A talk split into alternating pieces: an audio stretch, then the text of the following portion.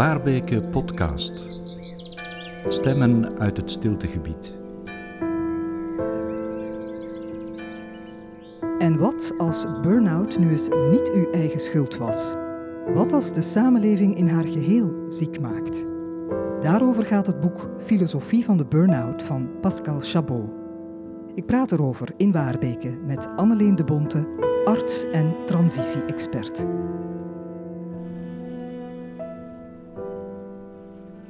Goedemorgen, Anneleen de Bonte. Goedemorgen. Anneleen, je bent de arts. Straks meer daarover. Eerst en vooral welkom in Waarbeke. Ja, dankjewel. In het Waarbekenhuis. Ja, ja. wat een, uh, een bijzonder inspirerende en gezellige plek. En um, bijkomend ben ik hier gisteravond al aangekomen, uh, dus ik heb helemaal kunnen, me helemaal kunnen omringen met de, de stilte en de rust van deze plek. Dat, is echt, uh, dat was een inspirerende voorbereiding. Ja, het eerste stiltegebied van Vlaanderen is dit, ja. hè? stiltegebied Dendermark. Het hart daarvan Waarbeke. Ja. Heb je goed geslapen? Ja, ja, ja, zeker. Ik heb echt, uh, het, is, uh, ja, het was een, een bijzonder gezellige en. Uh, hoe zal ik het zeggen? Na, na, de, na de tocht over de Brusselse ring is het echt een, een oase om hier aan te komen. Is dit een soort plek waar je anders naartoe zou komen om tot rust te komen, te wandelen, als je hier niet zou zijn voor dit gesprek bijvoorbeeld? Uh, zeker. Ik ben, uh, ik ben ook een grote liefhebber van de streek hier. En ik woon nu zelf aan de andere kant van Brussel, eerder uh, in het Hageland. Um, en dus in de feiten gebeurt het minder vaak dat ik hier kom. Maar vroeger ben ik nog veel in de regio geweest. Mijn, mijn overgrootvader was van Michelbeke, Gerardsbergen. En dus de Zwalmstreek en zo. We hebben hier met de familie veel gewandeld. Het is echt ja, een prachtig stukje Vlaanderen. Anneleen de Bonte, ik omschreef je daarnet als arts. Dat is iets wat we misschien te vaak en te snel doen. Hè? Naam, komma en dan functie.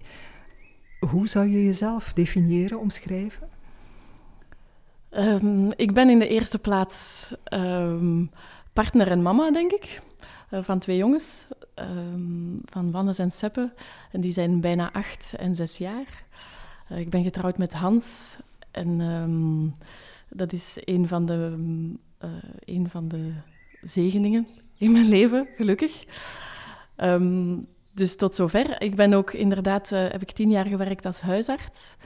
Um, en op dit moment ben ik voor een hele tijd niet arts. Um, ik heb, uh, er is een dierbare collega die me dat uh, onlangs eens uitlegde van de, even belangrijk als de aspecten van het zijn zijn de aspecten van het niet zijn. En voor mij was het punt gekomen om, uh, om een tijdje niet arts te zijn. Misschien om het later weer wel te zijn, maar op dit moment heb ik een, uh, tijdelijk een ander spoor gekozen. Uh, en dat is een stukje voortgekomen uit, uit de vaststelling dat het mij, mij niet lukt om op de stoel van huisarts de, geconfronteerd te zijn met uh, met brokken, met de, de, brokstukken van een samenleving die volgens mij toch zijn, um, een samenlevingsmodel, dat zijn houdbaarheidsdatum voorbij is. En waarvan de slachtoffers dan um, in een huisartspraktijk belanden. En bij psychiaters belanden en bij therapeuten allerhande, de, bij het kaf en koren door elkaar. Um, maar in ieder geval, ik, ik stelde vast dat het voor mij heel moeilijk was om om dat grotere plaatje meer en meer te zien opdoemen als iets wat niet meer klopt. En daar dan toch mee in te zitten en aan het einde van de rit te proberen problemen op te lossen, oneerbiedig gezegd op te lappen misschien. Um, hoewel dat echt niet helemaal klopt, want ik, ben, ik heb het grootste respect voor al het werk dat mensen op die plaats doen. Maar ik stelde vast dat ik het zelf echt nodig vond om om iets te mogen doen dat een beetje meer systemisch was. Uh, gewoon omdat mijn hoofd ook zo werkt, denk ik. Omdat ik, um, omdat ik niet anders kan dan over die grotere structuren, systemen, concepten te denken. En, um, en dat, gaat, ja, dat overstijgt de geneeskunde. Dat gaat eerder over samenleving, economie. Hoe organiseren en regelen wij ons leven? Um, dus dat is een beetje uh, hoe ik mezelf nu situeer. Maar daarnaast ben ik ook muzikant en ben ik ook grote liefhebber van natuurwandelingen. Uh, ik ben ook getrouwd met iemand die daar dan ook nog eens um, goed in thuis is en daar veel van kent. Dus die, die je nog op een, op een diepere manier meeneemt. Van, ehm, kijk, een blauwe kiekendief. um, en mijn kinderen ook. Mijn kinderen, ik voel dat zij daar ook stilaan in, um, in meegetrokken worden. En ik vind dat uh, zo in die, in die liefde en, en kennis ook. Maar kennis van de natuur vanuit een liefde. Niet, um, niet om lijstjes van soorten te Af maken. Te vinken, ja. het is dat. Maar echt... Um, ik herinner mij een moment dat ik, dat ik thuis boven bezig was en dat ik Hans beneden hoorde roepen: Zoet, naar buiten, nu! En ik dacht, er brandt iets of zo. Maar uh, neer kwamen kraanvogels over ons huis gevlogen.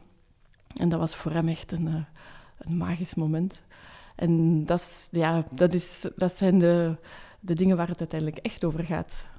Um, terwijl ze maar zo klein en onbeduidend lijken. Maar, mm-hmm. en, en aan Hans, dat is zo tof aan Hans ook, dat, dat, dat ziet je bij hem, dat, dat, uh, dat is het leven. Kraanvogels. Uh, Anneleen, over je voorlopige afscheid van de huisartsgeneeskunde gaan we het straks nog uh, uitgebreid hebben. Maar uh, je sprak over, over de, het verlangen om, om uh, structureler te werken. Wat doe je dan nu? Ik werk nu voor een NGO, die heet Fairfin. En uh, in essentie doet Fairfin onderzoek en campagne met het oog op uh, een duurzamer en meer rechtvaardig financieel systeem. Um, dat is een hele brok voor een kleine organisatie.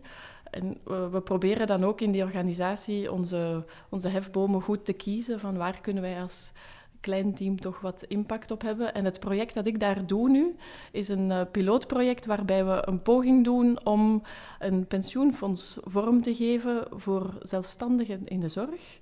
Dat um, heel consequent zou investeren in activiteiten in bedrijven die doen wat artsen en zorgverleners elke dag doen, namelijk bijdragen aan gezondheid en welzijn.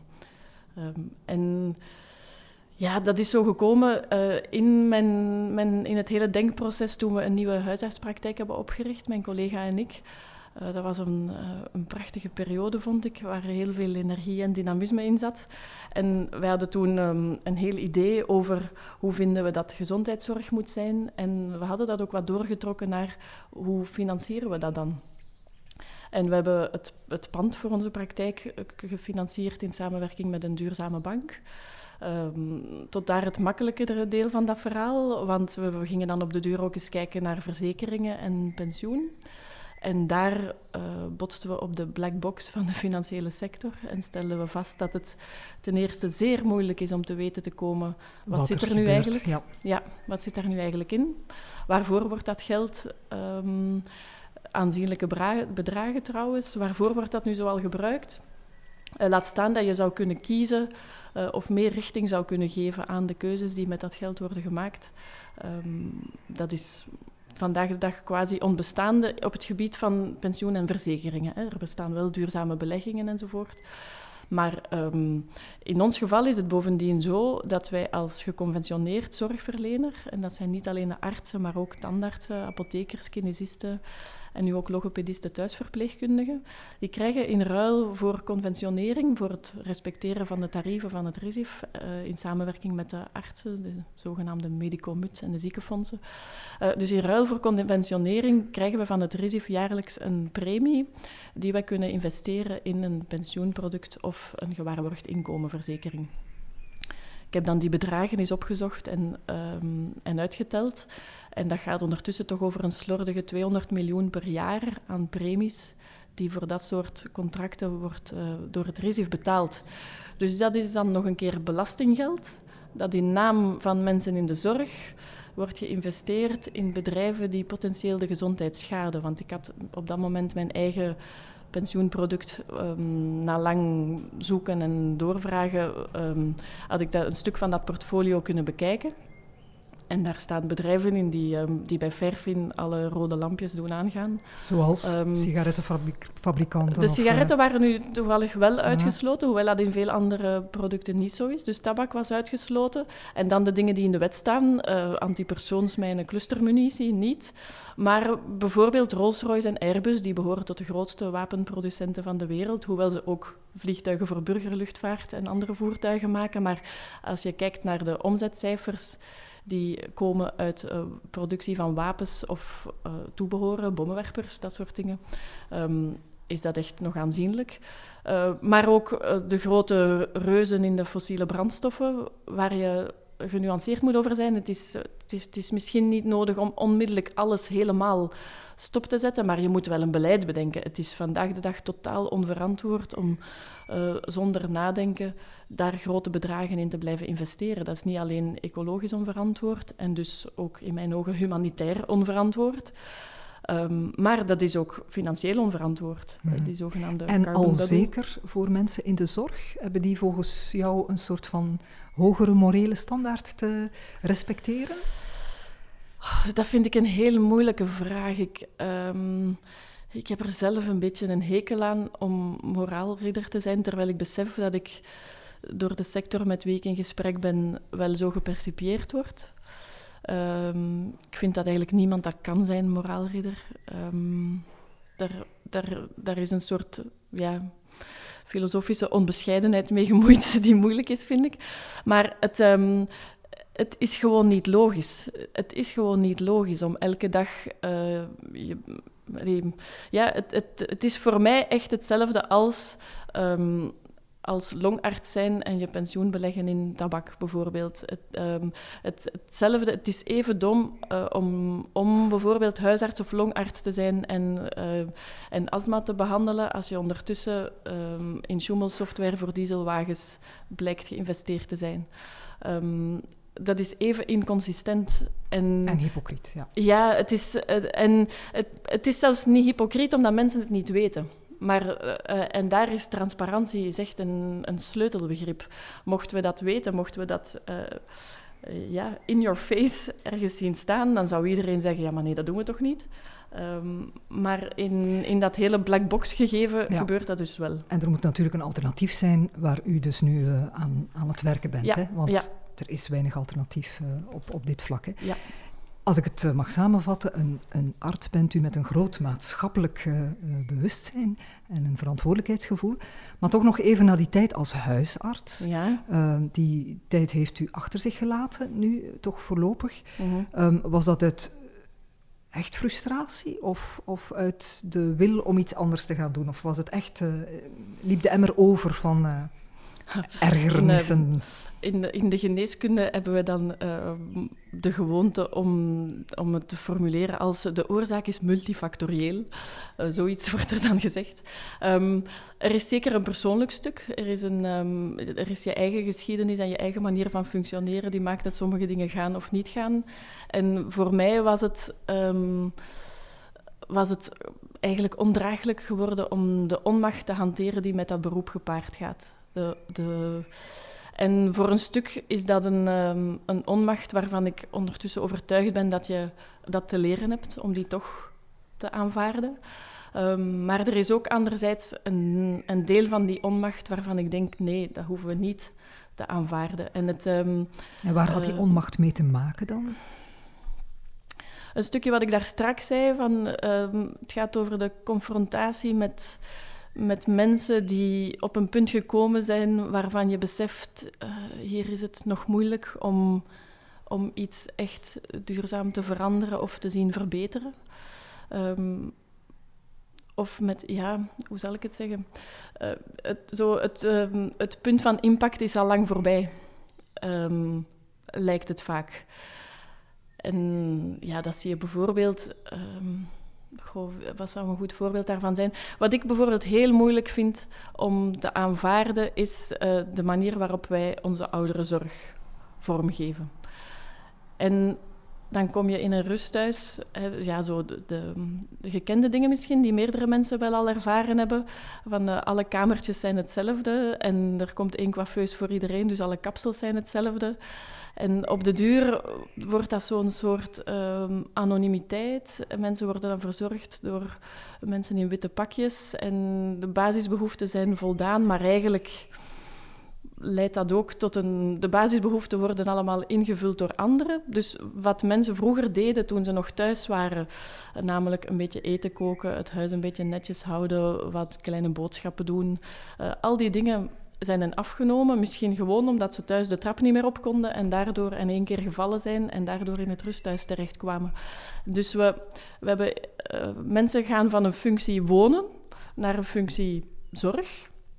Ze komen van de zuil wonen in de zuil zorg terecht. Dat was uh, een, een, bezoek in Nederland uh, van een, een interessant project het was de man die daar eh, dat project leidde, die dat zo formuleerde. En dat vond ik heel treffend. Uh, en dus jij, komt daar dan als arts bij die mensen op huisbezoek. En dan, um, dan is daar bijvoorbeeld een boer die zegt: Ja, dokter, gevraagd en um, heb je het hier goed? En dan zegt hij: Ja, uh, ik ben nog, nooit, ben nog nooit zoveel gewassen, maar ik heb mij nog nooit zo weinig vuil gemaakt. um, en dus, en heb je het hier goed? Ja, ze zorgen goed voor mij en ze wassen mij elke dag, maar ik zou veel liever hebben dat er hier eens iemand gewoon bij mij kwam zitten. Um, en de, de, de, de onmacht die je daar voelt als arts is ja, dat die mensen eigenlijk niet noodzakelijk willen dat je komt uh, pillen voorschrijven en de bloeddruk meten, maar dat die veel Iets liever zouden verlangen. hebben dat, Ja. je daar, ja, dat je daar een uurtje kon blijven. En in het, Wat niet kan, want Nee. je staat onder tijd terug om Voilà, de volgende wat dan, eh, te wat dan niet past. Ja. Eh, en dus dat, dat is zo'n punt waar je zegt, ja, hier kan ik als arts ofwel proberen van toch blij te zijn met dat kleine stukje dat ik kan doen, met hier een kwartiertje te zijn. Ehm, maar ik kon dat toch niet zo goed. Ik, ik, ik kon daar moeilijk over kijken van, allee, de, zo, zo willen we dit toch niet. Er zijn toch weinig, eh, weinig volkeren ter wereld, tenzij in de westerse samenleving, waar, waar alle ouderen bij elkaar worden gezet en waar we de zorg eh, en de, het vervullen van de basisbehoeften op zo'n manier efficiënt en optimaal en goedkoop maken, zodanig dat er dividend overblijft voor de aandeelhouders van het rusthuis. Ik, ja, eh, dat is een van die dingen. Je komt bijvoorbeeld ook in de praktijk met veel vluchtelingen in contact. Ehm, eh, mensen in armoede, ehm, maar ook, eh, ook zoiets waar de, waar de onmacht, vond ik, echt eh, ondraaglijk was, zijn de vele jonge mensen, kinderen zelfs, met, eh, met zware falangst, die, onder, die nu al onder hoge druk en hoge stress staan van een systeem dat blijkbaar allerlei dingen van hen verwacht. Lagere eh, schoolkinderen? Ja, ja, ja. La- Zelfs, zelfs kinderen van de derde kleuterklas. Ehm, die zulke faalangst hebben dat ze, dat ze braken voor ze naar school gaan. Ehm, ik herinner mij een, een gezin met een kind van negen dat suïcidaal was. En die ouders komen dan in wanhoop in de praktijk, want ze staan ergens op een wachtlijst. En hebben geen idee wat te doen. En dan ben je daar als huisarts, in plaats van de eerste lijn, ben je dan de laatste lijn. Maar je bent er vol- onvoldoende voor opgeleid. Je hebt ook weinig tijd en ruimte om voor die mensen, wat het ook zij, te bieden. Eigenlijk weet je ook niet goed, hoe moet ik nu zo'n kind van negen toch een klein beetje eh, meedragen en perspectief bieden. Maar, en je hebt vooral het gevoel, we komen te laat hier. Ehm, het is al veel te ver gekomen en de, de oplossingen liggen niet in een therapeutisch spoor. De oplossingen zouden liggen in hoe, hoe zien wij ons onderwijs eigenlijk? Wat willen we dat mensen vandaag leren om morgen te kunnen zijn? Dat, ehm, ja, ik, ik kon het niet goed om, om in het dagelijkse praktische te zitten, terwijl ik eh, zo graag het systemische zou in, veranderen. in de breedte zou kijken, ja. Ja, Anderzijds, eh, een machteloze huisarts ehm, die zich ergert aan, aan een gebrek aan oplossingen voor het geheel. Anderzijds vind ik ook een huisarts een prachtige functie, een eerste Ja. lijnspersoon. Ja, ja, klopt. Ongeveer ook de enige persoon in de hele eh, gezondheidszorg die nog de hele mens bekijkt en niet alleen het been dat ziek is of, eh, of, of, of het hoofd of de hersens. Ja. Daar kon u zich niet aan optrekken? Of, eh, Ehm, of de balans eh, was niet meer eh, Ja, in wel, balans? ja, om eerlijk te zijn, ehm, wat je nu zegt is, ehm, is de rationalisering die ik mezelf zo lang heb voorgehouden om het toch te blijven proberen. Ehm, en dat is ehm, naast het feit dat ik, ehm, dat ik mezelf ook voorhield van ja, maar ik heb mijn opleiding goed gedaan en mijn collega's en patiënten geven genoeg feedback dat ik dat eigenlijk wel goed doe, dan zou het toch jammer zijn dat ik, eh, dat ik het opgeef. Want ja, ik zie ook al die voordelen die jij beschrijft en ik vind het ook een unieke positie in de gezondheidszorg. Uh, maar de realiteit is dat er emotioneel iets niet ging. En, um, en ik heb nogal lang geprobeerd om, om daartegen te vechten of om mij daartegen te verzetten. En uh, ja, het, was, um, het, is een, het is een wijze collega die me gezegd heeft, ja, die ook erg geïnspireerd is door de Oosterse filosofie. Die zei, ja, um, soms ben je iets ook niet, ook al zou je misschien willen van wel, maar voilà, of misschien is het nu niet en op een ander moment weer wel. Maar het, zo vinden dat je dat moet zijn, omdat de, de redenering klopt, dat, uh, dat heb ik moeten loslaten. Want het, uh... Dat spoorde niet met wat je voelde. Nee, ja. voilà, dat ja. is het. Ja, ja. Mm. Um, wat ik zelf tot op vandaag jammer vind, maar wat ik wel aanvaard heb intussen. Ja.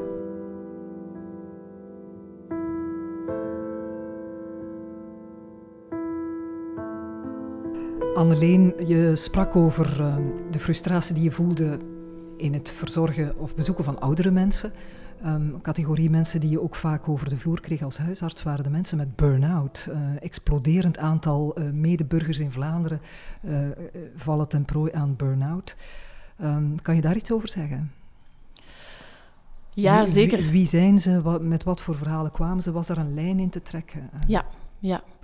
Het, um, het is indrukwekkend in een huisartspraktijk. De toevloed van mensen met uh, burn-out, wat dan het eindstadium is, maar ook de hele aanloop er naartoe met uh, lichamelijk onverklaarde klachten, spanningsklachten, chronische hoofdpijn, um, noem maar op, spierklachten, pijnklachten. Um, de ene al, hoe zal ik het zeggen, um, de ene al meer werkgerelateerd dan de andere. Uh, dat is ook een beetje een spectrum. Maar um, wanneer het over burn-out gaat, vind ik het wel uh, opvallend om te zien dat ik zelfs in mijn eigen loopbaan, die een tiental jaar is geweest, um, dat ik de mentaliteit heb zien veranderen in de samenleving van tien jaar geleden was het eerder ja, mensen die een depressie krijgen. Eh, want dan was het mensen die uitvielen op het werk. Toen werd er nog niet zo vaak van burn-out gesproken.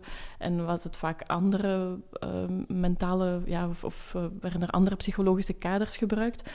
Um, en werd het vaker depressie genoemd, terwijl ik denk dat er toen ook al um, aspecten van wat we vandaag burn-out noemen mee gemoeid waren. En omgekeerd, veel van de burn-outs vandaag hebben een stuk een depressieve component. De grens is, er is een verschil, maar het is niet altijd een, uh, een heel duidelijke scheidingslijn. Maar wat ik wilde zeggen is, tien jaar geleden waren de mensen die uitvielen, werden toch ergens beschouwd als ja, maar die zijn niet helemaal, die zijn zelf niet stevig genoeg of die hebben zelf een kwetsbaarheid. Um, dus het was toch... Uh, Eigen schuld. Een beetje meer, ja, of toch um, uh, iets dat bij het individu werd gelegd. En nu zie je meer en meer dat burn-out um, toeslaat bij mensen in een systeem, of het nu een VZW is, of een, of een school of een bedrijf. Het, die burn-out slaat toe bij de mensen die de hele zaak dragen, die het meest bevlogen waren, die zich hard hebben ingezet, die veel verantwoordelijkheid namen. En het zijn die die eruit gaan. Um, dus die stigmatisering van um, het is omdat je eigenlijk toch zelf uh, draagkracht tekort komt of zoiets, die gaat niet meer op. En dat veroorzaakt wel een, een grote ongerustheid. Onder andere bij mensen uit het bedrijfsleven heb ik dat echt heel duidelijk gemerkt, maar ook in scholen. He, zo, um, Wat ja. eigenlijk wel raar is, hè? zolang het uh, een ondergeschikte was, was het zijn eigen schuld. Maar nu de basis die zelf ja, uitvalt, vreselijk. vinden we het een, ja, een, een maatschappelijk probleem. Zeer terecht, ja, ja. Vreemd, ja. Ja, ja. Um, maar tegelijk is het goed nieuws voor iedereen dat het op die manier dan wel iets ernstiger wordt uh, bekeken. Maar ja, ja, ik ben het er helemaal mee eens. Um, zolang we het nog ergens kunnen parkeren als een, als een marginaal probleem van een individu, is het makkelijker dan wanneer we moeten zeggen: oei, misschien zijn we toch niet zo goed bezig. Want de mensen, die we, de mensen op wie ons bedrijf steunt, de, de, de, de poten van onze tafel gaan er onderuit.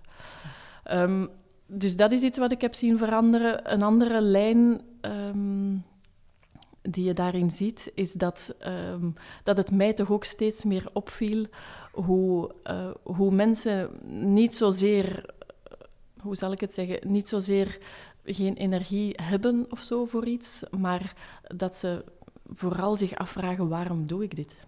Dat je steeds meer mensen tegenkomt die, die zelf beseffen, goh, ik, uh, ik blijf dit eigenlijk doen omdat het financieel comfortabel is, omdat het mij zekerheid geeft. Maar de, de inhoud van mijn werk, als je me vraagt wat daar de zin en meerwaarde van is, dan, um, dan moet ik toegeven dat ik mijzelf ook die vraag stel. Existentiële vragen. Ja, ja. ja ehm, existentiële vragen of ook vragen gewoon bij het tempo en het ritme. Hè. Dagelijks pendelen de kinderen s morgens vroeg naar de voorschoolse opvang en s'avonds naar de naschoolse en dan nog snel het eten gemaakt krijgen en het huiswerk. En, en je ziet dat mensen zichzelf afvragen van, moet dit echt zo? Zag je mensen vooral uit bepaalde sectoren? Of, uh, of was daar geen lijn in te trekken? Ik vind op schaal huisartspraktijk is, dat, um, is het moeilijk om die statistiek te doen op één huisartspraktijk. Maar ik, ik weet natuurlijk dat de, dat de cijfers zeggen dat, het, um, dat de, de sectoren waar het, um, waar het gaat om recurrente zorgopdrachten, uh, het onderwijs, uh, de zorgsector in het algemeen, de ziekenhuizen, maar ook artsen. Um, we moeten zeker in eigen boezem kijken. Bij artsen, bij huisartsen zijn, uh, zijn ook de burn-out cijfers hoog. En dan, dan, um, ja, dan heb je enerzijds de mensen die echt uitvallen en moeten stoppen, maar anderzijds de mensen die tegen die grens aanzitten. En die aantallen zijn toch ook wel uh, indrukwekkend. Dat, dat gaat van 10 tot 20 procent. Dat zijn verontrustende cijfers voor de mensen die eigenlijk zouden moeten de anderen kunnen helpen om het te dragen of om het te verzorgen, ja, dat, uh, dat is ons niet meer. Wat is daar de verklaring voor? Dat, dat uh, de manier van werken daar zo geautomatiseerd en zo snel moet gaan dat je niet meer aan zorgen toekomt? Of heeft het te maken met het echt eigene van het werk, namelijk jezelf eigenlijk een beetje opofferen om de anderen mm. te helpen, mm. wat dan ja, niet meer kan? Of het is ook een heel persoonlijk ja. Ja. beroep, hè? Je, stelt jezelf ten dienste. Ja. Wat ik, um, wat ik vind, en wat trouwens ook uh, in het boek dat we straks nog zullen aanhalen, denk ik, in het boek van Pascal Chabot over global burn-out, uh, wat daarin aan bod komt en wat ik zelf ook zeer sterk herkend heb, is um, dat het een stukje een probleem is dat we in onze sterk technokapitalistische samenleving, waar we um, waar we vooral de vooruitgangsgedachte enorm uh, heiligen. Uh, alles moet vandaag beter dan gisteren. En alles moet vooruitgang. We moeten netto vooruitgang boeken. De iPhone van morgen is beter en sterker en krachtiger dan die van vandaag. En dat we dus de beroepen waarin zulke vooruitgang gerealiseerd kan worden, financiële vooruitgang, technologische vooruitgang, die, uh, die staan op een heel hoge standaard en die zijn ook financieel hoog gewaardeerd. En dat de beroepen die eigenlijk eerder terugkerend zijn, die, um, die circulair zijn. Zo het, uh, het altijd opnieuw dezelfde dingen aanleren aan altijd andere kinderen in het onderwijs. Elk jaar opnieuw kinderen leren lezen en schrijven. Uh, of in de zorg altijd opnieuw dezelfde handelingen stellen bij, bij dezelfde en andere mensen. Maar zo, um, dat zijn allemaal handelingen. Uh, het huishouden is ook zoiets. Ik, ik denk dat ik, ik hoor het bij al mijn vrienden en vriendinnen die zeggen, oh, de, de, de was, dat is er elke week opnieuw we hebben daar een, een soort dédain voor ontwikkeld. Van, um, daar, daar komt geen netto positief resultaat uit. En dus is het, um, is het, is, heeft het, geeft het minder voldoening. Dat is het. En, en ook onze, uh, die voldoening is ook zichtbaar in de maatschappelijke erkenning en in de financiële waardering van zulke functies. En ik denk dat het daar een groot probleem is dat um, de de incentives, zal je maar zeggen, de, de vorm van beloning die we als maatschappij toekennen, um, dat die absoluut niet geldt voor de dingen die nogthans voor ons als mensen eigenlijk natuurlijk zijn om te doen, voor elkaar zorgen. Een goed voorbeeld is zogenaamde mantelzorg. Er zijn er zijn ondertussen sectoren en werkgevers waar je een soort van uh, verantwoorde um, uh, of gestructureerde manier hebt om mantelzorgverlof te nemen, met toch een vorm van minimum financiële daarvoor, vergoeding. Ja. Um, maar dat is nog niet de meerderheid en het, en het is een hoop papierwerk en je moet het weten dat het kan en het, het is toch altijd iets dat moet verdedigd worden. Terwijl, ja, ik zie dat bijvoorbeeld bij mijn, bij mijn Turkse buren. Daar, daar gaan de dochters verpleegkunde studeren. Niet om daarna in een ziekenhuis te gaan werken, maar om hun eigen familie te verzorgen. En ik zeg niet dat dat het absolute ideaal moet zijn. Ik kan daar heel genuanceerd naar kijken. Maar het is wel heel vreemd dat bij ons het omgekeerde het absolute ideaal is. Als je, um, ik gebruik altijd dat voorbeeld van als je um, als man of vrouw zou beslissen om voor je eigen kleine kinderen te zorgen die, die, die één en drie jaar zijn. Uh, en je hebt nog een, uh, een bejaarde moeder in huis. dan heb je geen inkomen. Als je die twee kinderen naar een kribbe brengt en de bejaarde moeder naar een rusthuis en je gaat daarna bij familiehulp werken om in een ander gezin juist hetzelfde te doen, dan uh, verschijn je drie keer in het bruto nationaal product. Dan krijg je een inkomen en een pensioen. En eigenlijk heb je iets gedaan wat tegen je eigen natuurlijke reflex is, misschien. Wat niet voor iedereen geldt. Hè. Nogmaals, ik, ik wil ook niet per se pleiten voor het omgekeerde, dat iedereen voor zijn eigen dementerende ouders moet zorgen en voor zijn eigen kinderen. Maar het feit dat het, dat het omgekeerde financieel gestimuleerd is, dat is zeer tegennatuurlijk. En die, die spanning tussen wat, wat de samenleving aanmoedigt en beloont en wat mensen soms van nature eigenlijk zouden willen doen, dat is iets wat denk ik niet meer houdbaar is. Mhm. En je ziet dat vanuit een, uh, een, een maatschappelijk-economisch uh, perspectief, uh, mm. economisch systeem, kapitalistisch systeem, dat dat, dat niet meer naar waarde schat. Anderzijds is het ook wel een, een kwestie van emancipatie, hè, dat alle vrouwen niet langer voor oma en kinderen moeten zorgen, maar de arbeidsmarkt zijn kunnen opgaan en hun talenten hebben kunnen ontwikkelen.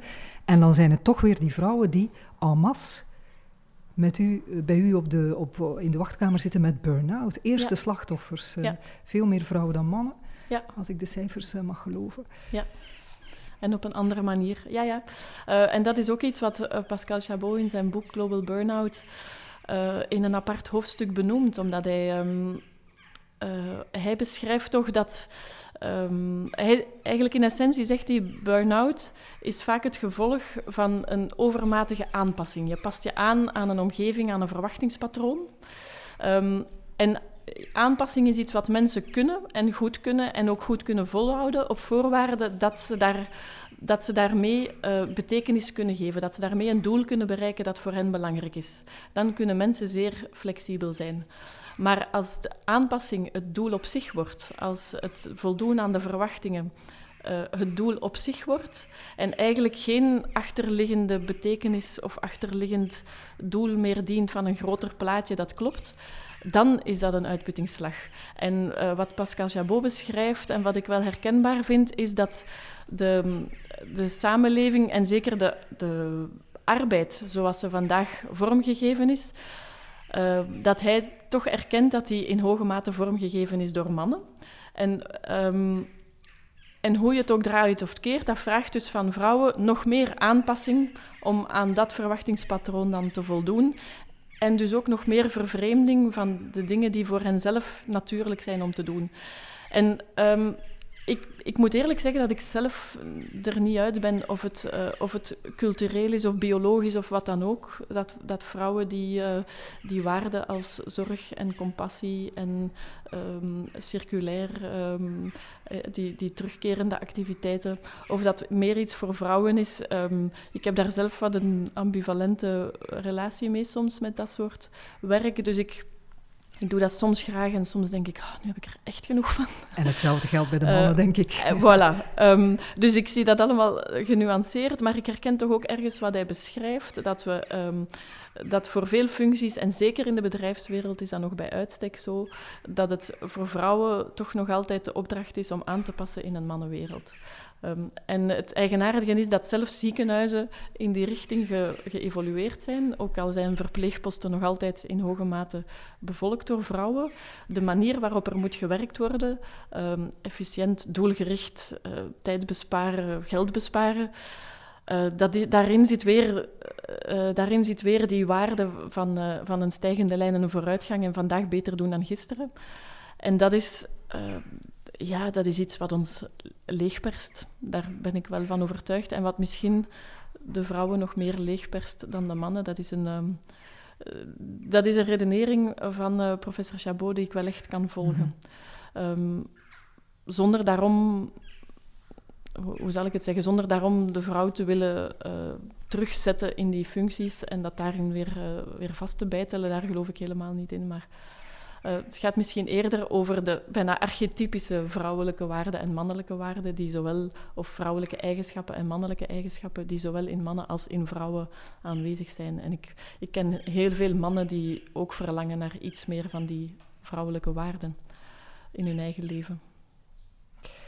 Anneleen de Bonte, uh, u sprak al een paar keer over dat boek van Pascal Chabot, Global Burnout. U heeft een crowdfunding opgezet om dat boek in het Nederlands vertaald te krijgen. Um, waarom? Er zijn al heel veel boeken over burn-out. Hè? Waarom steekt dit er bovenuit volgens u? Ja, um, ja ten eerste, uh, ik heb dat niet gedaan in mijn eentje. Ik, uh, ik maak deel uit van een, uh, laten we zeggen, een inspiratiegroepje van een aantal collega's artsen, maar ook coaches en een aantal ondernemers, um, die zich verenigd hebben Um, ja, ik weet zelfs niet meer hoe we, hoe we bij elkaar gekomen zijn, maar um, die zich verenigd hebben rond de gedachte van ja, wij zijn hier aan het, aan het zorgen en aan het coachen en wij proberen problemen op te lossen, maar we botsen allemaal tegen een groter verhaal dat volgens ons herschreven zou moeten worden.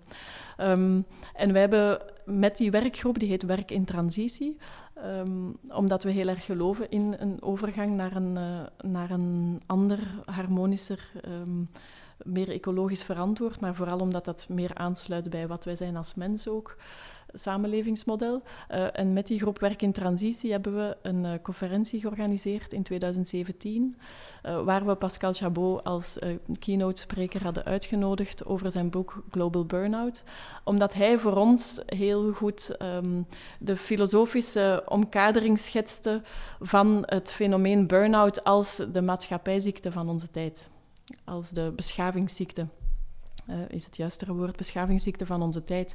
En, um, en hij, hij kadert een beetje de, de filosofische en maatschappelijke historiek ook van het begrip burn-out. Um, maar hij kadert ook op welke manier dat die burn-out-epidemie ons een spiegel voorhoudt. Um, en het, uh, dat was voor, voor, de mensen met wie we die conferentie organiseerden een, uh, een zodanig belangrijke sleutel in de discussie over burn-out, die toch ook vandaag nog altijd door veel mensen uh, wordt gezien als een individueel probleem. Ik zei wel daar straks van, het, dat begint te veranderen, want we worden in ons hart geraakt als bedrijven, als scholen, als organisaties. Onze, onze dragers, onze trekkers gaan eruit. maar het is toch echt belangrijk om om dat samen met z'n allen maatschappelijk te bekijken, want anders verliezen we een, ja. een, ontzettend belangrijke dimensie uit het oog. En dat vonden we het belang van, um, van dat boek en daarom vonden we het ook belangrijk om dat naar het Nederlandse taalgebied te brengen. Een aantal puntjes uit dat boek heb je al uh, aangestipt uh, en komen overeen met uw ervaringen uh, in, in de dokterspraktijk. Um, het grote aantal vrouwen, uh, zorgende beroepen, eh, het aspect humanisme dat verloren gaat, mensen worden cynisch. Maar er zijn nog een aantal andere zaken die wel interessant zijn om even te belichten. Um, dat is um, het tijdsbesef. Daar schrijft hij heel mooi over. Hè? Chabot, mm -hmm. uh, we vechten tegen de tijd. Uh, mm -hmm. Tijd is geld geworden. We hebben een andere, andere verhouding nodig tot, tot mm -hmm. tijd. Um, ja, wat denkt u? Um, ik kan alleen maar erkennen dat ik, uh, dat ik ook ten prooi ben aan die strijd. dat, ik, uh, dat ik zelf ook uh, in de, de, de ervaring heb van een, een soort permanent gevoel van schaarste als het gaat over tijd. Terwijl en, de tijd wordt niet langer of niet nee, korter, die is nee, er. Nee, iedereen heeft 24 uur in een dag.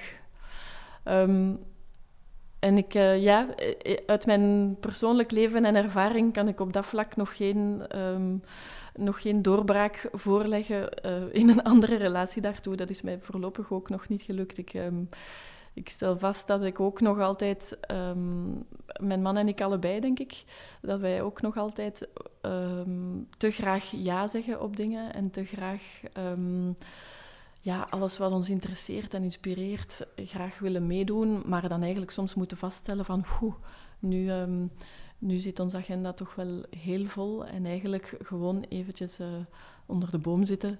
Het, um, daar lijkt dan geen tijd meer voor. Ik zeg bewust lijkt, want het is, het is ook alleen maar omdat je dat... Uh, Tuurlijk. Om, ja, ja. Omdat je in die vaart der dingen zit, ja. dat je dat uit het oog verliest. Dat is misschien het enige wat al veranderd is, dat ik, um, dat ik wel steeds vaker op een bepaald moment kan zeggen, oh ja, ik, uh, ik heb hier de perceptie van haast en spoed en dringendheid, terwijl ik uh, even goed de boel ontploft niet als ik nu een half uur ga zitten.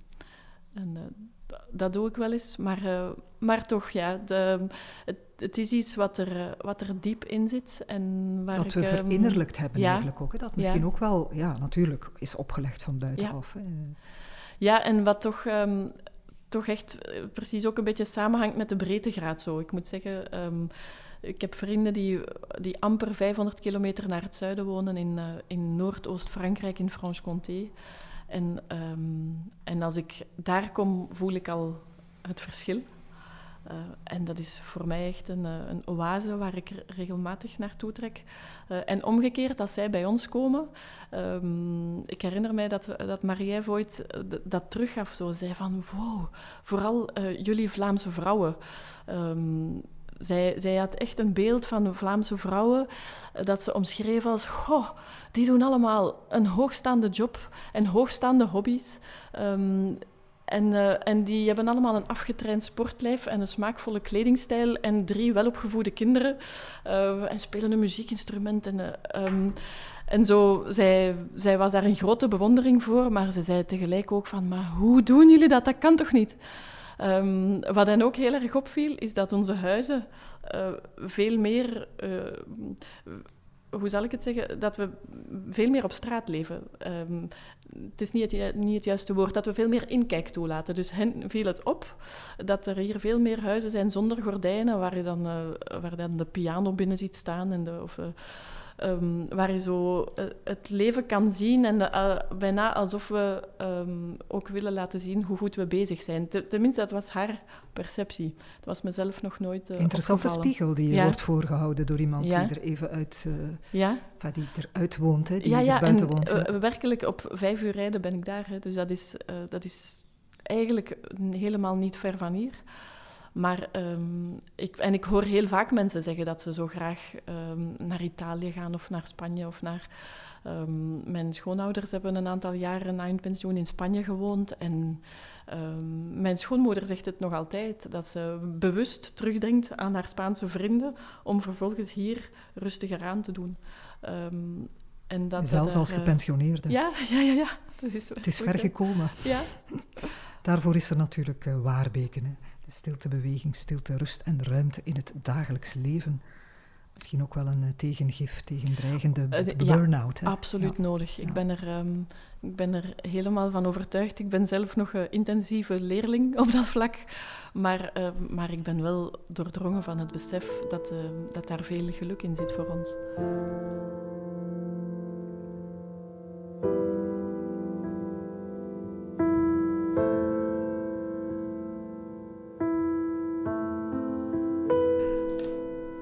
Bonte, terug naar het boek van eh, Pascal Chabot. Um, Global Burnout heet het.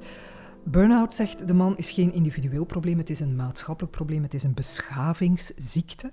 Ja. Um, en u zegt, ja, het besef zijpelt door nu het zo massaal toeslaat in het bedrijfsleven. Maar toch is het nog altijd aan het individu om het op te lossen. Om in ziekteverlof te gaan daarna terug te komen, zich aan te passen, al dan niet met een soort modus vivendi, andere collega's, andere werkplek, noem maar op, labmiddelen toe te mhm. passen misschien. Of om zijn conclusies te trekken, of haar conclusies te trekken en te zeggen van deze job is niets meer voor mij, ik doe iets anders. Ik zie ook wel wat mensen zelfstandig worden en mhm. eindelijk doen waar ze altijd al zin, in hadden. Uh, groentetuin beginnen, uh, massagelessen volgen en massagetherapeut mhm. worden. Een voorbeeld mm uit mijn directe omgeving van iemand uit het onderwijs die ja? Ja. Uh, bij wie de emmer overliep en maar bleef overlopen. Maar dat zijn individuele copingstrategieën.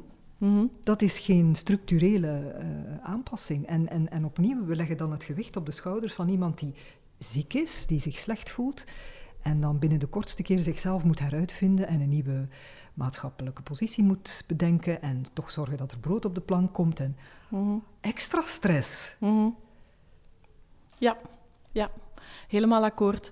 En um, ik vind het heel mooi dat Pascal Chabot in zijn boek benadrukt dat burn-out um, niet zozeer een eindstadium is van een proces dat alleen maar pijnlijk is, maar dat het ook, uh, en hij maakt de vergelijking daarin met, uh, met melaatsheid. Uh, dat, de, dat burn-out, wanneer een, um, wanneer lepra ehm, in een zogenaamde staat van burn-out terechtgekomen is, dan is eigenlijk alle vingers en tenen die konden afsterven, zijn afgestorven. Maar dan is ook, dat is ook het punt waarop die ziekte stilvalt en er eigenlijk een vorm van genezingsproces kan in, uh, kan in gaan komen. En, uh, het is een krasse vergelijking. Ja, maar, absoluut. Het is, uh, maar ik denk dat mensen die een burn-out doormaken, helemaal door de bodem heen, dat wel herkennen. Dat alles wat belangrijk voor je was en alles waar je zo hard voor gewerkt hebt en je voor hebt ingezet, dat net die dingen en net die eigen kracht en energie en dynamisme en al die waarden waar je het voor deed, uh, dat lukt niet meer. Dat, uh, het is op. En dus ik denk dat de, dat de rouw die daarbij hoort, van ik kan dit niet meer, dat die misschien wel even diep gaat als het verlies van vingers en tenen, om het nu heel cru te stellen.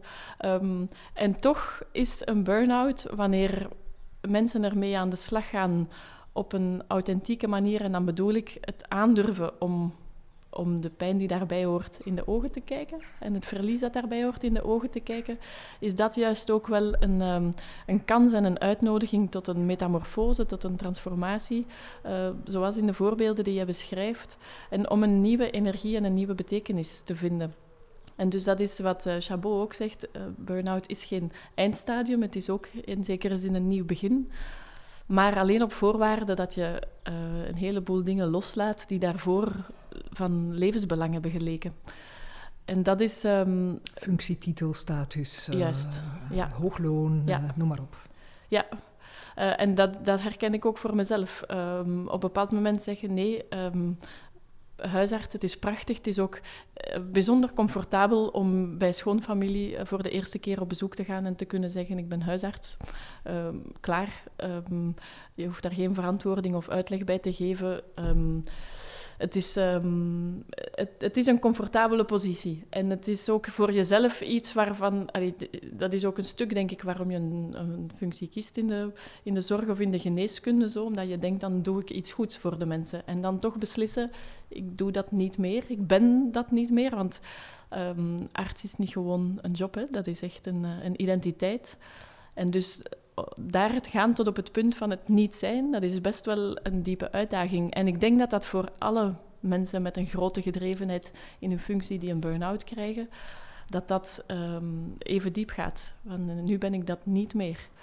Um, maar misschien word ik daarna iets anders. En dat is, um, dat is dus ook de kans die daarin zit. En dat vond ik ook zo moeilijk in de huisartspraktijk, wanneer daar geen ruimte of geen plaats voor was. Je voelt dat ziekenfondsen, werkgevers, maar heel vaak ook patiënten zelf van jou verlangen dat het resultaat van jouw geneeskundig uh, medisch ingrijpen zal zijn um, met, een, met een dikkere huid en, en wat mindfulness op zak terug naar hetzelfde dat er van jou verlangd wordt om mensen terug klaar te stomen om hetzelfde weer te kunnen.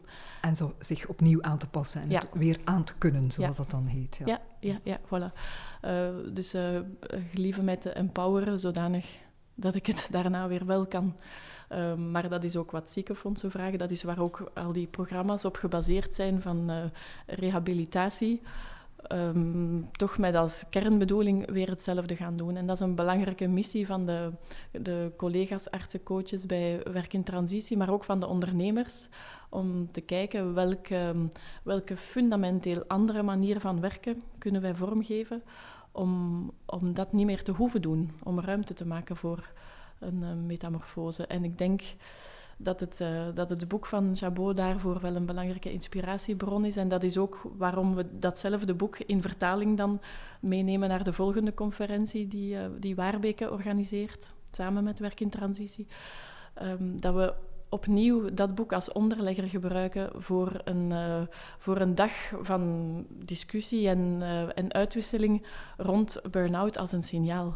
En wat hebben we daarvan te leren? Ik, en de zoektocht naar een derde weg eigenlijk. Want zoals je net zegt, je hebt ofwel de keuze, je valt even uit en je stoomt jezelf klaar om opnieuw hetzelfde te doen met minimale aanpassingen. Of je stapt eruit en je wordt zelfstandig enzovoort. Het is niet iedereen gegeven. Hè? Het is een zeer risicovolle stap. Ja.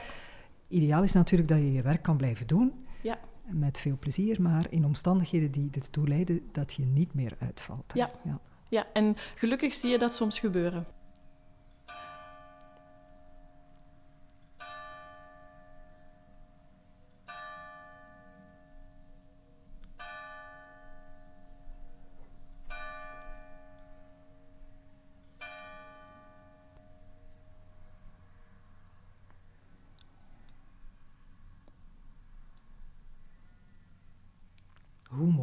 Dorpsklok van Waarbeke. En de vogeltjes. En de vogeltjes. Dat zouden ze moeten doen in alle vergaderingen van alle hoge cenakels van bedrijven. Ja, ja. Even halt houden als de klok eh, klept. Ja, dat is waar. Ehm, ja, die derde weg, daar hadden we het over. Ehm, het vergt natuurlijk niet alleen een andere organisatie van ehm, het werkveld en het economische, maar ook van de gezondheidszorg. Want Ja. nu, nu ga je naar een arts met je burn-out en je krijgt eh, even ja, ziekteverlof en misschien een, een, pil. Maar ehm, Ja. dat, opnieuw wat u zei aan het begin, ik ben eruit gestapt omdat ik het gevoel had dat ik aan het einde stond, dat ik Mhm. eigenlijk niks meer kon doen. Een- arts heeft wel nog een functie, denk ik, maar dan Mhm. veel vroeger. Mhm. En een andere functie, wat is daar eh, Mhm. uw visie op? Ja, mijn visie is dat we die artsen aan het einde natuurlijk ook nog nodig hebben. Dat, dat, dat, dat vangnet moet daar klaarstaan. Um, maar ik voel steeds meer dat mijn, mijn eigen roeping, als ik het uh, beladen woord even mag gebruiken, in de gezondheidszorg, dat, die, um, dat ik die graag zou willen um, inzetten in een, in een concept van gezondheidszorg waar we vooral kijken hoe kunnen wij de omstandigheden creëren waarin het logisch gezonde, natuurlijke gedrag. Um, en daarmee bedoel ik alles gaande van gezonde voeding en logische lokale voeding tot natuurlijk bewegen. En daarmee bedoel ik dus niet um, marathons lopen, maar gewoon natuurlijk bewegen. Um, en aanvullend daarbij ook een, uh, een, manier van werken en een kans om te werken die eerder leidt tot zelfrealisatie en ontplooiing dan tot aanpassing aan zich. Um, hoe kunnen wij een, uh, een samenlevingsconcept creëren waarin die dingen natuurlijk zijn, waarin, waarin je niet moet strijden om dat te mogen doen, of waarin je niet meer moet betalen om dat voedsel te kunnen kopen. Um, dat zijn de dingen waar ik echt in geloof en dat is natuurlijk... Uh, eigenlijk sluit dat misschien meer aan bij de, de Oosterse visie op geneeskunde, die altijd onlosmakelijk verbonden is met uh, filosofie, waar, waar gezondheid altijd ten eerste een, um, een geïntegreerde lichaam-geest kwestie is, maar ook een, uh, een filosofie en een levensbeschouwing. En ik, ik, geloof er heel erg in dat het belangrijk is om, om terug uit te zoomen tot dat niveau. Ook al is het niet zo makkelijk om vervolgens een pilot te bedenken van een concreet project dat je in die uh, dat je in die filosofie zou doen. Dus dat is de oefening waar ik nu mee bezig ben. Van wat voor praktijk, wat voor project zou je starten om daar die waarden in mogelijk te maken? Um, en dus ik, ik, um, ik denk het dichtst daarbij komen de, de burgerprojecten die je in verschillende steden, de initiatieven van burgers samen met overheden, samen met partners in de gezondheids- en welzijnssector, die je ziet ontstaan waarbij er um, nagedacht wordt over andere vormen van werk, uh, samenwerken, co-creatie. Maar ook veel, heel vaak is dat ook met een, uh, met een grote tuin en een restaurant waar de, waar de ingrediënten uit die tuin worden geserveerd en waar inclusieve arbeid is. Waar, um, waar de tussenschotten tussen, tussen ondernemerschap en zorg voor kwetsbare groepen, waar die tussenschotten een stukje weggaan en waar we terug met al die mensen samen proberen om er iets van te maken. Um, ik geloof heel erg dat dat een zinvolle manier is om aan gezondheidszorg te doen. Uh, ook al lijkt dat heel ver af van de medische wetenschap. Maar uh, mijn interesse is gewekt door een aantal projecten die... Um, die geïnspireerd zijn op de zogenaamde Blue Zone-wetenschap. Er zijn een aantal zones in de wereld, die Blue Zones worden genoemd, waar mensen kennelijk uh, langer, gezonder en gelukkiger leven dan uh, hier in het Westen. En Vertel mij, Anneleen, waar ja. bevinden die Blue Zones zich? Verspreid over de wereld. Er zijn er in Japan, in Griekenland, in Californië, uh, Sardinië.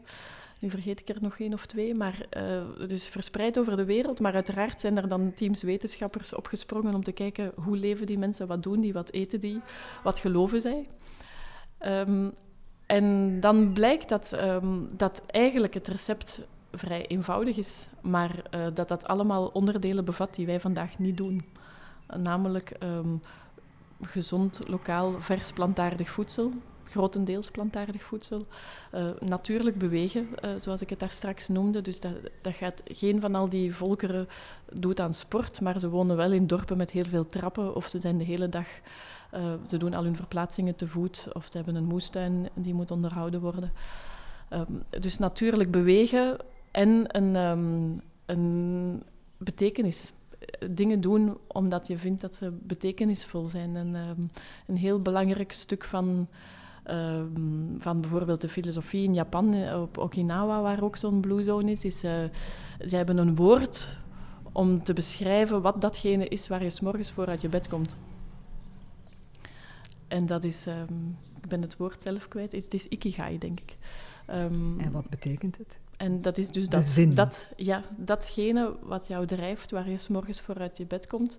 Uh, ook op dagen dat je niet zo fris bent, maar dus dat um, iets dat het geheel wat overstijgt. Uh, een ander aspect dat in die, uh, in die gemeenschappen zeer sterk is, is de zorg voor elkaar en um, lokale solidariteit, ik zal het zo noemen. Solidariteit is ook al zo'n beladen woord geworden soms, maar allee, of wordt zo al snel in, in een rode hoek gezet. En ik vind dat um, heel jammer, maar, maar het is toch dat zo gewoon een natuurlijke zorg voor buren en familie. Uh, wat daarom niet altijd roze geur en maneschijn is. Hè. Dat heb ik ook vaak genoeg van dichtbij gezien. Maar er, um, het is toch wat, wat, wat ons mens zijn um, bepaalt. En uh, wat ik knap vond, is dat professor Louis van Doning, die, uh, die in Vlaanderen en Nederland um, zowat expert is rond die blauwe zonewetenschap, die zegt, um, die mensen in die blauwe zones leven in on ongeorganiseerde gezondheid. En wij leven met z'n allen in georganiseerde ongezondheid. En dat, um, dat is wel een, um, een interessant vraagstuk, hoe we daar iets gaan aan veranderen. Hoe we gaan stoppen met puffers voorschrijven tegen astma, terwijl we niets doen aan, de, aan het fijnstof in onze steden. Doordat er te veel wagens in rondrijden.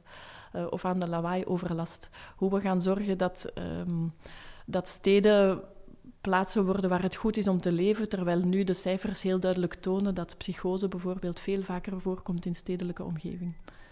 Um, anderzijds is het een realiteit dat we met de huidige bevolking van deze aarde, dat een, een enige, de enige duurzame toekomst die denkbaar is, is dat we met z'n allen in steden zullen leven. Um, dus dat, dat zijn de vraagstukken waar we het mee te doen hebben en waarvan ik denk, ja, zolang zolang we dat niet oplossen, heeft het niet altijd een danige meerwaarde om de moleculaire biologie van kanker verder te ontcijferen. Als we aan het, aan het begin van het traject niet proberen de omstandigheden te creëren waarin kanker minder zal ontstaan. Eigenlijk ligt de nadruk te veel op ziekte, te weinig op gezondheid. Precies, ja. ja. Anderzijds, een van de grote spelers in het uh, gezondheidsveld, de christelijke mutualiteiten, machtsblok van je welste, mm -hmm. pakt nu uit met positieve ja. gezondheid. Ja. Daar was je blij mee? Ja, ja, ja fantastisch. Ja. Um, Domus Medica, de huisartsvereniging in Vlaanderen, of de huisartsenvereniging in Vlaanderen, doet trouwens mee, uh, wat ik echt toejuich. En ik ben echt benieuwd naar... Um, de concrete uitwerking voilà, natuurlijk. Naar wat het, uh, ja, en ook wat het, uh, hoe ze dat project zullen opvatten. Um, ik zou er ten andere graag aan bijdragen. Als ik ooit toch weer arts ben, dan zal het in zo'n context zijn, denk ik. En dus daarmee wil ik echt niet... Um, de, de, de oncologie devalueren. Maar het is, uh, ik, zou, ik zou gewoon heel graag willen dat de oncologen minder werk hebben. en dat er... Uh, ik ook, um, ik spreek ja, uit ervaring. Ja, ja, ja, absoluut. Ja. Dus het is... Um, en het, het eigenaardige is, en dat is ook iets wat heel diep geworteld zit vandaag, is ziekte het verdienmodel als wij, uh, als wij erin slagen om te zorgen dat mensen minder ziek worden, dan, uh, cru gezegd, komen dan de ziekenhuizen in de problemen. Uh, maar dat is natuurlijk een diep ingebakken incentive die eigenlijk krom is. het, um, het, uh, ja, de, de, hele aandeelhouderslogica en de hele verdienmodellen ja, de, de scanner is, wordt sneller afbetaald als hij, als hij vaker draait en meer mensen kan scannen. Maar als we eigenlijk weten dat we misschien kankers veroorzaken door mensen te veel te scannen, dan, um, dan, dan klopt dat verdienmodel niet. Um, en opnieuw, dat is weer allemaal, dat is zeer genuanceerd. Uh, het, is zo, het is niet zwart of wit, maar de, de basisincentive waarop nu de economische logica van dingen zoals zorg en gezondheidszorg gebaseerd zijn, die is, is averechts. Ja. ja. Ja, het verdienmodel is de ziekte. Ja.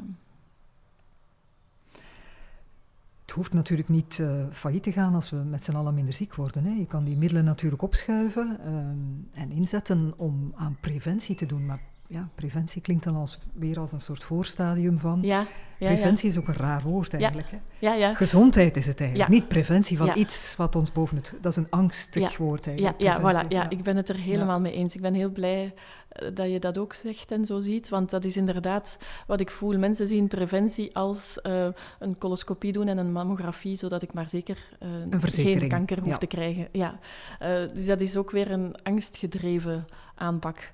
Uh, en geen gezondheidsgedreven aanpak. Ja, dus ik, um, als we bedoelen met preventie uh, gezonde voeding en bewegen, dan ben ik, uh, dan ben ik akkoord. Of dan ga ik akkoord. Ik denk dat daar ook een stuk bij hoort um, mentale zelfzorg en mentale hygiëne. Iets wat bij ons in het Westen nog een beetje nieuw is. Zo. We zijn, um, onze grote geloofsstructuren zijn zijn eruit gegaan, maar er is geen ander nieuw betekenisverhaal dat we, uh, dat we delen in de plaats gekomen. Uh, dat is allemaal zo wat uh, versnipperd en bijna in een logica van consumentisme. Zo. Ik ga naar de supermarkt van de levensbeschouwingen en ik haal iets uit de rekken wat mij toevallig goed past. Um, het is iets waar we bijvoorbeeld tegengebotst zijn bij, uh, bij ons zoontje, die nu een eerste communie of lentefeest zou doen. En ja, als je dan niet de eerste communie doet, om, omdat, omdat we het gevoel hebben, ja, daar herkennen we ons niet meer in, um, wat dan wel? En dan dat lentefeest is zoiets wat, uh, wat een beetje een eigen invulling krijgt, maar eigenlijk mhm. is er geen gedeeld ritueel, daar moeten we eerlijk over zijn. Uh, is er geen door, is er geen, um, geen ritueel meer dat je met een groep doorloopt, wat voor iedereen evident is dat het zo is. Dus je moet het eigenlijk zelf opnieuw dus je bedenkt uitvinden. Het dan, ja, ja, je bedenkt het dan zelf, maar net het gedeelde, wat daar zo belangrijk in is bij een ritueel, heb je dan niet. Um, en dat, dat ervaar ik wel als een verlies, omdat ik, uh, omdat ik zelf een, um, een gelovige opvoeding heb gekend, maar in een heel progressieve context. Dus eh, een, een, vorm van katholicisme die mij geen pijn heeft gedaan, zoals veel andere mensen wel. Um, en, en, en ik heb daar zelfs verdriet over dat ik dat op die manier niet meer heb in mijn leven nu. Omdat in de, de gemeente waar ik woon, um, is er niet zo'n gemeenschap met die inspiratie. Is het ja, um, hoewel, het is er gedeeltelijk wel, maar ik voel toch dat ik daar aansluiting mee verlies ook, dat ik dat een stukje kwijtgeraakt ben, terwijl ik wel heel diep besef dat dat een gemis is, dat dat iets uh, heel waardevols was. En ook belangrijk voor je gezondheid. Ja, dat blijkt. Dat is een, een, een dieper laagje ja. misschien, maar toch ook wel belangrijk ook dat, voor het, uh, ja. het vormen van een ja. uh, hele mens. Ja, dat blijkt uit de hele blauwe zonewetenschap opnieuw, dat, um, dat een vorm van spiritualiteit Um, en ja, toch iets wat, ons, uh, wat onze individuele muizenissen overstijgt, dat dat uh, heel belangrijk en heel waardevol is. En daar hebben we ook nog werk aan, denk ik. Anneleen de Bonte, nog een laatste vraag. Ben je hoopvol?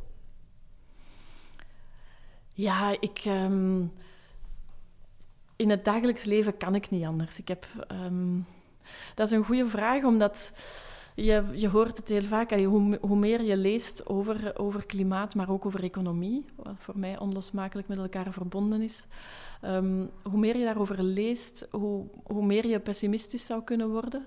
Cynisch, um, sarcastisch zelfs, ja, alles. Uh, ja. ja um, en ik, over het eindresultaat stel ik mij op als een soort agnost, denk ik. Eh, ik hoorde onlangs iemand een vergelijking maken die ik heel treffend vond uh, en waar ik me heel erg in herken. Die zei, ja, um, een soldaat op het slagveld die heeft op die plaats niet het overzicht om te weten of hij pessimistisch moet zijn of optimistisch. Die heeft geen idee of het goed afloopt of, niet. Maar wat je wel doet, is je gaat in de actie en je doet iets waarvan je op dat moment denkt dat het zinvol is om te doen.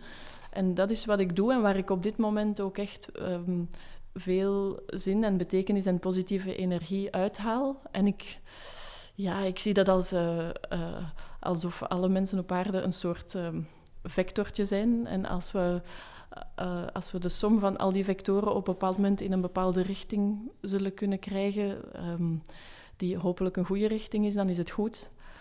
Uh, maar meer kan ik niet doen. Ik kan niet meer zijn dan één vector. En misschien kan ik, uh, in het beste geval, kan ik door een soort magnetisme nog wat mensen rond mij in dezelfde zin oriënteren. Maar uh, zonder daar een grote bekeringsdrang bij, bij te voelen. Want um, om de eenvoudige reden dat ik dat zelf helemaal niet aantrekkelijk vind bij andere mensen. En zo'n ja, bekeringsdrang is het goede woord, dat is niet inspirerend. Dus ik denk ik doe wat ik geloof en, en ik hoop in het beste geval dat dat misschien inspirerend is voor een paar andere mensen, maar zo niet. Uh, probeer ik toch tevreden te zijn met wat ik op mijn vierkante meter kan doen. En um, gelukkig is dat in, in mijn huidig project en in de huidige manier van werken die ik nu heb, voor mij um, geeft dat meer voldoening of meer. Um, zelfs een soort van rust vergeleken bij uh, hoe ik me voelde in de huisartspraktijk. En ik kan dat eigenlijk niet, uh, niet theoretisch verklaren, maar ik ben wel opgelucht over die vaststelling. Fijn. Geen bekeringsdrang, maar wel een interessant uh, gesprek. Dankjewel. Dat moeten we vaker doen, hè? Ja, ja dat vaker is tijd voor nemen. Afgesproken. Hartelijk bedankt, Anneleen de Bonte, hier in het uh, Waarbekenhuis. Met veel plezier, dankjewel.